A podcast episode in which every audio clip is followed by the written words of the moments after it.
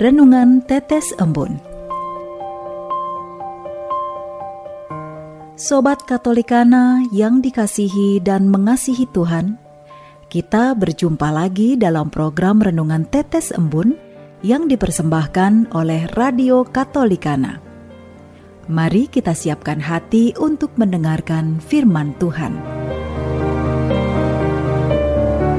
Renungan Tetes Embun Senin 16 Mei 2022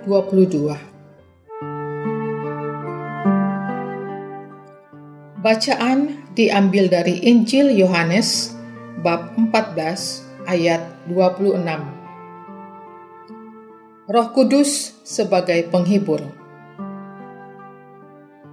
Penghibur yaitu Roh Kudus yang akan diutus oleh Bapa dalam namaku Dialah yang akan mengajarkan segala sesuatu kepadamu dan akan mengingatkan kamu akan semua yang telah kukatakan kepadamu.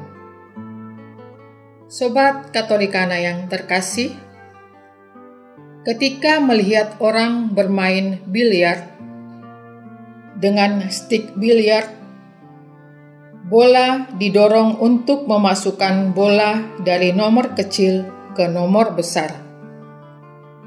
Bila bola banyak masuk dan mendapat nilai besar, pemain senang dan terhibur.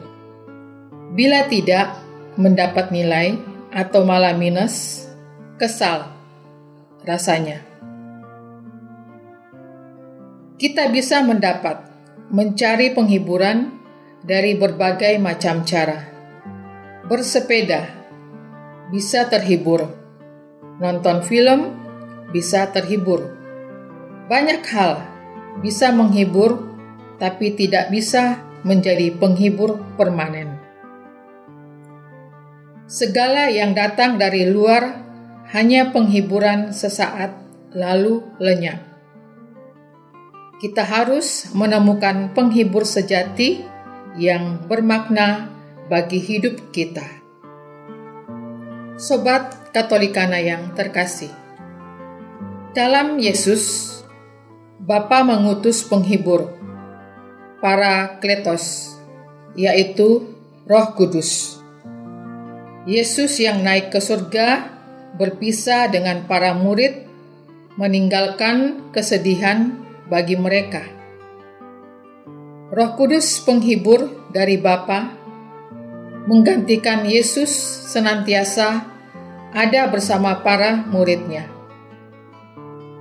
Dia adalah roh, daya ilahi, yang oleh Bapa ditanam dalam hidup para murid. Sungguh penghibur permanen. Penghiburan dari dalam dan ada di dalam hidup Para murid Yesus hidup dari ada dalam Roh Kudus. Hidupnya menjadi bait Roh Kudus. Demikian juga bila pikiran hati kita terbuka, Bapa menanam Roh Kudus dalam hidup kita. Hidup kita menjadi bait Roh Kudus. Pekerjaan Roh Kudus penghibur, mengajar dan mengingatkan segala sesuatu yang diajarkan dan dikatakan Yesus kepada para murid dan kepada kita.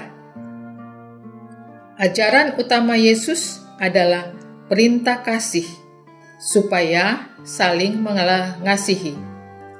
Lengkapnya, kasih kepada Allah dan kepada sesama seperti diri sendiri.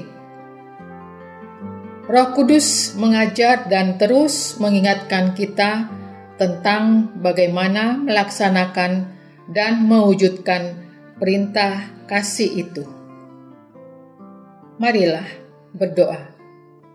Ya Bapa, anugerahkan Roh Kudus agar kami mewujudkan kasih kepada Allah dengan mendekatkan diri kepadamu melalui doa-doa keterlibatan dalam Ekaristi dan bersatu dengan Tuhan Yesus Putramu.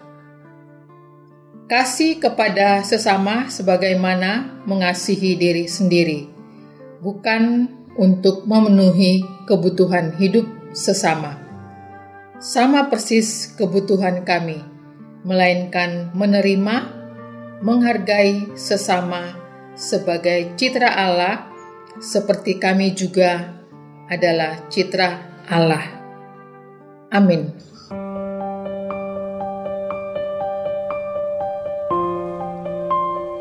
Demikian Anda telah mendengarkan Tetes Embun yang dipersembahkan oleh Radio Katolikana.